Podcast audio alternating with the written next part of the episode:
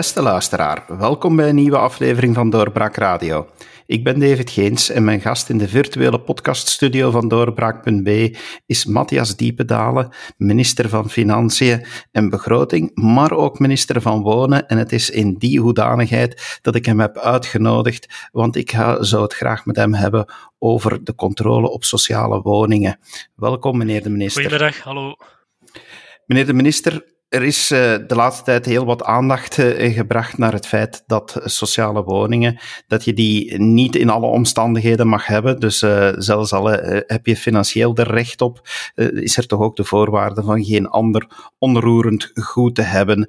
En dat is iets wat blijkbaar in het verleden niet heel nauw gecontroleerd werd. Klopt, hè? Nee, inderdaad, we konden dat nagenoeg niet controleren. Althans niet voor eigendom in het buitenland. Voor eigendommen hier in België, in Vlaanderen of Wallonië of Brussel, daar hebben we het kadaster voor. is nog altijd federaal, jammer genoeg.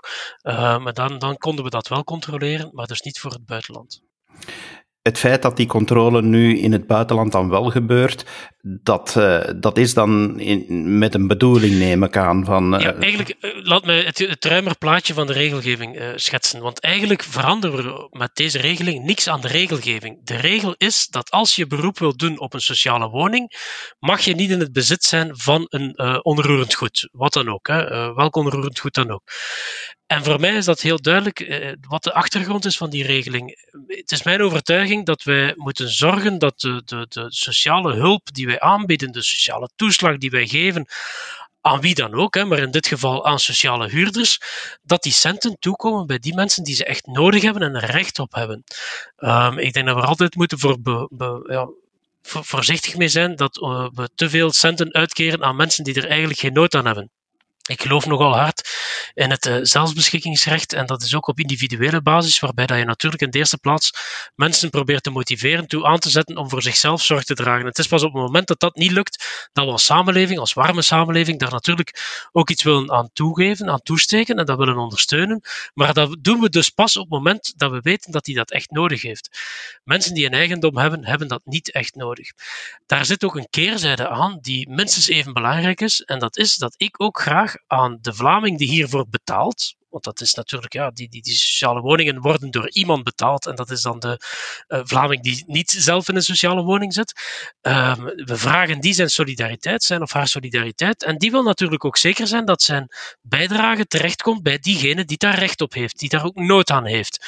En dus op die manier vind ik dat eigenlijk een beetje een, een ja, een herstellen van het rechtvaardigheidsprincipe, het eerlijkheidsprincipe in de sociale woningen één onderdeel daarvan. Er zijn nog wel een paar zaken die we daar uh, gaan aanpakken, stap voor stap. Maar dit is er zeker een van de belangrijkste.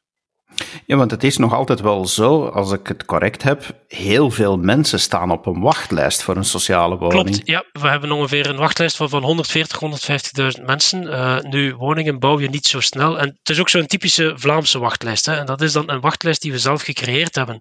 Het is niet zo dat het probleem aan de onderkant van de samenleving op een of andere manier groter geworden is. Het is vooral het feit dat we de voorwaarden om beroep te kunnen doen of om recht te hebben op een sociale woning, dat we die versoepeld hebben een aantal jaren geleden. Denk twee legislaturen geleden. En dan creëren we natuurlijk zelf die, die, die wachtlijst. Nu, dat is al niet te win. Als uh, wij beslist hebben dat die mensen recht hebben op een sociale woning, moeten wij als overheid natuurlijk ook voor zorgen dat die sociale woning er is. Maar dat doe je natuurlijk niet in, uh, op een jaar tijd. Um, het is Lisbeth Homans die als vorige minister van Wonen de budgetten voor sociale woningbouw die trouwens niet rechtstreeks uit de begroting komen. Hè. Dat is een leningssysteem, dus ja, dat is een beetje technisch, nu niet het onderwerp van, van, ons gesprek. Uh, maar zij heeft er toen al voor gezorgd dat we naar een recordhoogte gingen. Um, en wij hebben dat nu nog, nog een klein beetje verhoogd, dus we zitten opnieuw op een recordhoogte. En zeker met de, de middelen van het relanceplan erbij zitten we op 4,5 miljard deze legislatuur. Dat is gigantisch. Maar dan nog, ja, de bouwsector moet ook kunnen volgen natuurlijk. Hè. Maar het is in deze niet de Vlaamse overheid zelf die eigenlijk op controle uitgaat, hè? want dat blijft toch de verantwoordelijkheid van iedere sociale huisvestingsmaatschappij zelf. Klopt, ja. Dus wij zijn als, als uh, Vlaamse overheid niet zelf eigenaar van die sociale woningen. Wij geven leningssubsidies. Uh, dat is dus dat wij sociale huisvestingsmaatschappijen eigenlijk leningen toestaan en zij gaan daar, dat zijn autonome bedrijven, hè, daar worden nu zelfs besloten vernootschappen, dus dat zijn vernootschappen, die die woningen uh, bouwen en wij geven ze daarvoor leningen. Nu, als, uh, het is aan de sociale huisvestingsmaatschappij zelf of want het moeten niet alleen huisvestingsmaatschappijen, het kunnen ook sociale verhuurkantoren, het kunnen ook OCMW's zijn die aan sociaal huren doen of verhuren doen, uh, die beroep kunnen doen op onze subsidiëring, uh, die wij voorzien om zo'n vermogensonderzoek te laten plaatsvinden.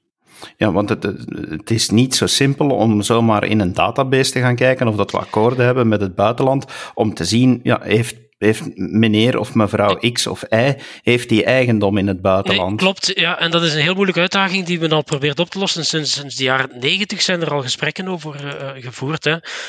Um, je hebt als overheid sowieso regelmatig uh, documenten nodig uh, van een andere overheid, over iemand zijn fiscaal statuut bijvoorbeeld. Hè. Daar geldt dat even goed.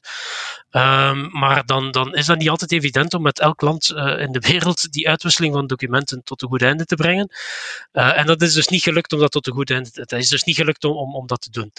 Nu, dan zijn er, um, ja, er zijn dan verschillende opties geweest, maar wij hebben ervoor gekozen wat dat men in Nederland doet. En daar gaat men effectief een onderzoekbureau en voor alle duidelijkheid, het gaat hier niet om privédetectives, dat heeft er niks mee te maken. Maar het gaat om een onderzoeksbureau, een privaat onderzoeksbureau, dat we aan het werk zetten om te gaan kijken of iemand waarvan een vermoeden bestaat dat hij een eigendom zou hebben, of die dat ook effectief een eigendom heeft. Dat is tegen een zeer redelijke kost.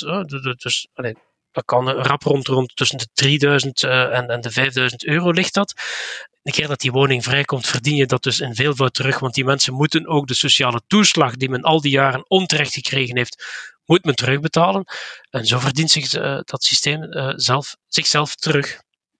U zegt daar vermoeden, dus het wordt geen systematische controle. Nee, inderdaad. Uh, er, zal al ja, er zijn 150.000 uh, mensen in een sociale woning op dit moment. Als we voor die allemaal doffies een, een, een, onderzoek gaan doen, dan wordt het natuurlijk wel een heel dure aangelegenheid.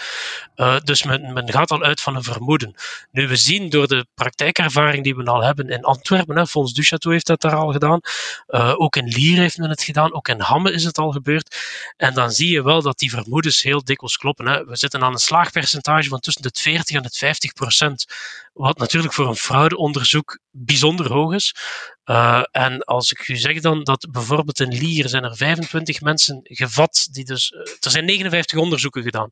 25 daarvan heeft men bevestiging gekregen dat er uh, een eigendom was in het buitenland. Er lopen ook nog negen onderzoeken, denk ik. vijf onderzoeken hebben aangetoond dat het een beperkte eigendom was, en mede-eigendom of wat dan ook. Maar laten we focussen op die 25 van de 59. Die moeten in totaal ongeveer een 480.000 euro uh, of was het 430, 430.000 euro terugbetalen. Ja, dan zie je dat dat uh, um, niet alleen is dat financiële de moeite waard, je mag ook niet vergeten dat er daardoor 25 woningen vrijkomen. 25 gezinnen van op die wachtlijst die we nu wel kunnen helpen. Ik heb nooit gezegd, of ik zal nooit zeggen dat die wachtlijst daarvoor door kan, kan, gaat verdwijnen of zo. Maar dat is toch wel heel goed nieuws voor die 25 gezinnen uh, die we willen helpen en er ook recht op hebben en die we nu ook kunnen helpen. Doordat we die fraudeurs, profiteurs, uh, buiten gezet hebben. Dus een sociale verhuurder, ik zal ze allemaal die categorie onder, onder het woord sociale verhuurder plaatsen, die zo'n onderzoek voert en die vaststelt dat er inderdaad onroerende eigendom is in het buitenland, die kan dan zeggen van kijk, u moet het verschil terugbetalen met de normale huurprijs en u verliest ook het recht op uw woning op je sociale woning. Klopt, ja. Het is goed dat je het zo een keer opdeelt, want eerst en vooral het belangrijkste is natuurlijk, je verliest het recht op je sociale woning, dus je wordt onmiddellijk uitgezet. Hè. Er wordt onmiddellijk uh, een, een, betekening gedaan dat men die sociale woning moet verlaten. Dus die woning komt vrij voor een nieuw gezin. Dat is volgens mij de grootste maatschappelijke kost. Maar daarnaast inderdaad kan ook uh, voor die jaren. Stel dat men vijf jaar in die sociale woning woonde en het onderzoeksbureau kan aantonen dat men ook vijf jaar een uh, eigendom in het buitenland had, of in het binnenland, hè, maar dat zal men veel sneller vinden, maar in het buitenland had, dan gaat men die vijf jaar, heeft men elke maand een korting gekregen op de huurprijs wel, die korting zal men voor die vijf jaar, hè, 12 maal 5 maal die korting, zal men moeten terugbetalen en kan men ook terugvorderen. Nu, er, is ondertussen al, er zijn al verschillende rechterlijke uitspraken geweest. Uh, en eerst en vooral op dat eerste principe heeft nog geen enkele rechter, ook niet in hoger beroep, gezegd dat het niet kan. Dus effectief mensen waarvan men aantoont dat er een eigendom is in het buitenland, worden uit hun huis gezet. Op het tweede is het wel zo dat er al een rechter beslist heeft dat men maar tot tien jaar terug kan gaan. Hè? Dus als men uh, dat er daar een, beperkte, wat ook niet zo onlogisch is, hè? dat zit uh, beargumenteerd in het vonnis. Um, ten derde, waar, er is ook nog één punt, maar dat is een detail meer. In Antwerpen, denk ik, ging men eerst proberen om mensen een toelating te vragen om dat onderzoek te doen. En dat heeft de rechter ook gezegd dat dat niet nodig was. Dat men sowieso dat onderzoek kan doen. Maar voor al de rest, en zeker voor dat eerste punt, dus mensen moeten een woning verlaten, is de rechter tot nu toe, elke rechter tot nu toe positief geweest. En er zijn al, eh, ik denk, elf uitspraken vredegerecht, al twee in hoger beroep, denk ik, en, en nog een paar zaken. Dus het is allemaal al, al positief afgelopen. Mogen sociale verhuurders eigenlijk dat onderzoek wel voeren via een privéonderzoeksbureau? Ja, dat is exact wat dan nu bevestigd is door de rechter. Hè. Uh, want je moet ervan uitgaan. Dus de vraag is eigenlijk: uh, is dat bewijs dat men aanlevert uit het buitenland, kan men dat wel gebruiken voor de rechter? Want dat is nu wat al, al verschillende keren, hè, die, die verschillende processen die er geweest zijn, waar dat bevestigd is dat er inderdaad op basis daarvan iemand uit zijn woning kan gezet worden. Er zijn er natuurlijk die dat het woord heksenjacht in de mond nemen. Die zeggen van ja, dit is nu een nieuwe heksenjacht, uh, zeker op migranten. Maar ja, is dat zo? Van, is, het, is het zeer specifiek eh, naar een bepaalde doelgroep gericht? Nee, ja, absoluut niet natuurlijk. Hè. En ik, ik, ik, ik, laat het ook niet aan mijn hart komen dat men dat een heksenjacht noemt, absoluut niet. En dit systeem is even goed van toepassing op uh, een Vlaming zonder migratieachtergrond, die uh, drie maanden per jaar in Benidorm overwintert. Hè. Uh, ook hij heeft geen, of zij heeft geen recht op een sociale woning als die een appartement heeft in Benidorm. Dus ook voor hen is dit even goed van, van toepassing. nu moeten een kat een kat kunnen noemen. Hè. Ik kan er ook niet aan doen dat de resultaten zijn wat ze zijn. En dan gaat het natuurlijk uh, voornamelijk over mensen met een migratieachtergrond. Maar op zich, het systeem zelf is even goed van toepassing op mensen die een huisje hebben in de wijnstreek in Duitsland of waar dan ook. Uh, Vlaming met of zonder migratieachtergrond, daar is het verschil helemaal niet gemaakt hier is het een zwart-wit zaak van zodra eigendom ergens in het binnenland of in het buitenland, is het geen recht op een sociale woning? Want ik kan me nu toch wel veronderstellen dat, uh, dat er ook situaties zijn waar iemand in een sociale woning uh, woont en dan ja, misschien een hutje ergens erft uh, van, van een opa of zo in, in het buitenland. Ja, klopt, ja. klopt. Dat is een heel, heel terecht punt. Uh, en, en, en nee, het is geen zwart-wit verhaal. Want die situatie kan natuurlijk ook bestaan hier in Vlaanderen. Hè. Um, uh, ook, ook een Vlaming zonder migratieachtergrond kan plots eigenaar worden van, ik zeg maar iets, een stuk landbouwgrond uh, ergens, die nu de laatste jaren wel meer en meer waard is, maar daarom ook nog niet voldoende is om, om om een woning te kunnen kopen. Uh, en dan heeft men een jaar de tijd om die te verkopen. En diezelfde regeling geldt ook voor, voor, mensen met een eigendom in het buitenland. Ook voor hen geldt exact dezelfde regeling. Dus als men uh, iets erft, als men iets geschonken krijgt of, uh, of wat dan ook, dan heeft men een jaar de tijd om zich daarvan te ontdoen. Dat kan ook gaan over een vruchtgebruik dat men krijgt en dergelijke meer. Er is daar een, een, een eigenlijk twee momenten waarop dat, dat, uh, een, dat er een beoordelingsmarge is. Eerst en vooral door de sociale huisvestingsmaatschappij zelf, de sociale verhuurder zelf. Dus er zijn ook voorbeelden van, van, van mensen die uit oorlogsgebied komen en die ondertussen in een uh, sociale woning wonen, maar dus door het feit dat het een oorlogsgebied is, dat die woning nog niet toegankelijk is, ja, voor die mensen geldt dat ook niet. Hè. Die kunnen zelfs een woning niet verkopen, maar daar is dus een afweging die de sociale huurder, verhuurder kan maken uh, om dat proces gewoon niet op te starten.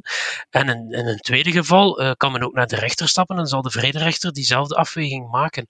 Dus daar is meer dan voldoende um, ja, reserves in, of systemen in, om te zorgen dat dit op een eerlijke en correcte manier gebeurt. Um, en dus sociale verhuurders worden hier niet plotseling opgejaagd of wat dan ook.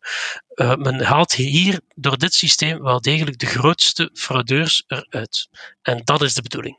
De 5 miljoen euro die de Vlaamse regering nu ter beschikking stelt, dat is eigenlijk een subsidie om die onderzoeken te kunnen voeren. Dus de OCMW's, de sociale verhuurkantoren, die kiezen zelf of dat ze daar gebruik gaan van maken. Ja, klopt. Uh, zij zijn degene die weten of dat er al dan niet al een vermoeden is. Hè. Uh, ja, ik krijg ook af en toe wel een keer mailtjes binnen en we sturen die dan direct door. Maar, maar het zijn de mensen op het terrein die uh, met de sociale huurders samenwerken en, en met hen praten, die, die, die weten uh, of er al dan niet een vermoeden is. En zij kunnen dus op eigen houtje het uh, onderzoek opstarten. Te meer natuurlijk omdat ook het voordeel voor hen is. Dus wij betalen een deel, het grootste deel trouwens, uh, betalen wij. Um, ja, om dat heel kort toe te lichten, als, als er effectief een eigendom gevonden wordt in het buitenland, dan betalen we de volledige 100%. Zowel van het vooronderzoek als van het eigenlijk onderzoek. Als er geen eigendom in het buitenland gevonden wordt, dan nog betalen wij 75% van het vooronderzoek. En dan is er geen uh, diepgaander onderzoek. Dus we betalen het, het allermeest, dus de grootste wordt, wordt door ons gedragen. Maar dus wat ik wou zeggen is dat het voordeel, uh, als er een eigendom gevonden wordt, gaat natuurlijk uh, naar de sociale huisvesting of de sociale verhuurder. Die krijgt de woning die terug uh, verhuurd kan worden. Die kan ook de, de, de sociale toeslagen terug eisen. Um, en zo verder. Dus het komt telkens bij hen terecht. Maar het kan dan wel zijn dat er in Vlaanderen een verschil ontstaat, een lappendeken tussen de sociale verhuurkantoren en eh, OCMW's en zo. Want de ene kan zeggen, wij gaan nakijken en de andere gaat zeggen van, oh, bij ons wij laten alles Klopt, toe. ja, absoluut. Dat is zeker waar. Maar uh, ik heb uh, nu al twee uh, webinars gehad om mijn eigen achterban aan te zetten om effectief in alle gemeenten dat gaan, te gaan vragen om dat te doen. en daarnaast hebben we deze morgen nog maar een webinar gehad met de sociale huisvestingssector zelf. Dus zowel met SVK's, SHM's. En daar waren meer dan 280 aanwezigen. Als je weet dat er 80 SHM's zijn in Vlaanderen en er waren 280 aanwezigen, dan, dan denk ik dat al... Allee, heeft interesse voor dit systeem. Maar het klopt, het is de autonomie van de, de sociale verhuurder zelf om al dan niet dit systeem te gaan, uh, te gaan doen. Hebt u geen schrik dat het bij sommigen zou ontsporen naar een kliklijn, omdat het toch op basis van een vermoeden ja, gaat? klopt. En ik zou dat zeer jammer vinden. Uh, want ik, ik weet dat er, ja, sommige partijen pleiten er ook mee om, om, om, om verklikkers echt te gaan institutionaliseren, dat systeem. Ik huiver daarvan, ik walg daarvan. Uh, dus dat doe ik niet. Nu, als er geklikt wordt, dan moet je natuurlijk die informatie wel gebruiken. Hè, maar uh, ik denk niet dat het nuttig is om een systeem te gaan opzetten op basis van, of, of, om verklikkingen uit te lokken. Daar doe ik niet aan mee. Ehm, maar inderdaad, is zo. De, er zal ongetwijfeld, ik zeg het, ik krijg die mails ook dikwijls binnen. Uh, en dat gebeurt. Uh, en dan moeten we daar even goed mee aan de slag. Maar we gaan dat op zich niet gaan uitlokken. En trouwens, dat vermoeden, dat is echt niet alleen van verklikking. Hè. Dat kan van veel verschillende oorzaken zijn. Dat kan klik, verklikking zal er zeker bij zitten. Uh, maar evengoed kan dat zijn van een sociale, ja, mensen op het terrein van de SHM die merken dat de woning bijvoorbeeld drie maanden in het jaar niet bewoond is. Het gras wordt in de zomer niet meer afgereden. De elektriciteitsfactuur is niet wat ze normaal gezien zou moeten zijn. Er is iemand die zijn mond voorbij praat. Ook dat gebeurt. Hè? Uh, dus al die zaken zijn vermoedens die, die. Het gaat niet alleen over verklikking. En ik zeg het, verklikking zal ik niet uh, aanmoedigen. Ik walg daarvan. Wat vindt u van het feit dat het Vlaams Belang natuurlijk nu roept dat u een stuk van hun programma uitvoert? Ja, Nee, dat doen ze eigenlijk niet. Want ik heb daarover ook in de commissie met Guy Daasleer over gepraat. Uh, en ik heb um, dat ook in het parlement. Vorige week ben ik daarop aangepakt door mevrouw Blankaart. Maar ik heb. Het, het Vlaams Belang stelt eigenlijk iets anders voor. Het Vlaams Belang stelt voor dat een sociale huurder die wil beroep doen op een sociale woning, dat die een bewijs moet leveren van zijn of haar thuisland dat hij daar geen eigendommen heeft. Maar ik heb gerepliceerd, en dat is mijn, mijn, overtuiging ook, dat dat er eigenlijk voor zorgt dat je de Vlaming zonder migratieachtergrond nog meer gaat benadelen. Waarom? Je kan aannemen dat een Vlaming zonder migratieachtergrond, dat die waarschijnlijk een vakantiewoning heeft, als die al een eigendom heeft in het buitenland, zal dat in Spanje of in Frankrijk of in Duitsland zijn, een vakantiewoningsken. Die landen, daar kan je van uitgaan dat die op eerlijke manier zullen zeggen van kijk, die hebben al dan niet een, een eigendom. Die documenten zullen correct zijn. Ik twijfel daar niet aan dat die juist zullen zijn. Maar in alle eerlijkheid, ik geloof geen document dat van Marokko komt en dat zegt dat de persoon in kwestie geen eigendom heeft in, in Marokko. Dat ben ik niet geneigd om, om dat te geloven. Ik denk dat die Marokkaanse overheid zeer snel die dergelijke documenten zal schrijven. Uh, en dat is, dat is zeer jammer. Ik betreur dat ongelooflijk. Daar niet van, want dat zou mijn werk natuurlijk veel gemakkelijker maken. Hè, mocht die Marokkaanse overheid uh, meewerken, maar dat is niet het geval. En in het systeem van het Vlaams Belang betrouwt men daar wel op. En daar, ben, ja, daar, daar, daar ga ik niet in mee, uh, absoluut niet. Dus ik denk dat mijn systeem inderdaad beter is dan dat, van, uh, dan dat voorstel. Nu, voor alle duidelijkheid, het, het, is maar, het is een deel van het probleem dat we oplossen. Hè. Er zijn nog heel wat andere zaken, hè. ook met betrekking rond fiscaliteit en dergelijke meer zijn er nog, nog dergelijke problemen. Uitwisseling van documenten tussen overheden, dus internationale overheden, zouden het een boel veel gemakkelijker maken. Maar je moet ook realistisch zijn. Ik geloof niet dat de Turkse of, of Marokkaanse of Tunesische overheid daar op een correcte manier gaat uh, aan meewerken. Dus ik ga dan zeker niet de Vlaming met een vakantiewoning nog meer gaan benadelen. vandaar dat ik meer vertrouwen heb in dit systeem. Al besef ik ook dat daar een zeker um, allez, een, een, een, tekort op zit, hè, dat we daar niet alle, alles mee gaan kunnen doen. Dat is heel duidelijk, meneer de minister. Dank u wel voor uw tijd om dit uh, toe te lichten. Graag gedaan. En uw beste luisteraar, hopelijk bent u ook weer wat wijzer geworden en snapt u nu hoe het in zijn werk gaat en wat het doel is van de Vlaamse overheid. Dank u wel voor het luisteren en graag tot de volgende keer. Dag. Dit was een episode van Doorbraak Radio, de podcast van doorbraak.be. Volg onze podcast op doorbraak.be/slash radio of via Apple Podcasts, Overcast of Spotify. Bezoek ook onze website op doorbraak.be en steun ons door een vriend te worden van Doorbraak.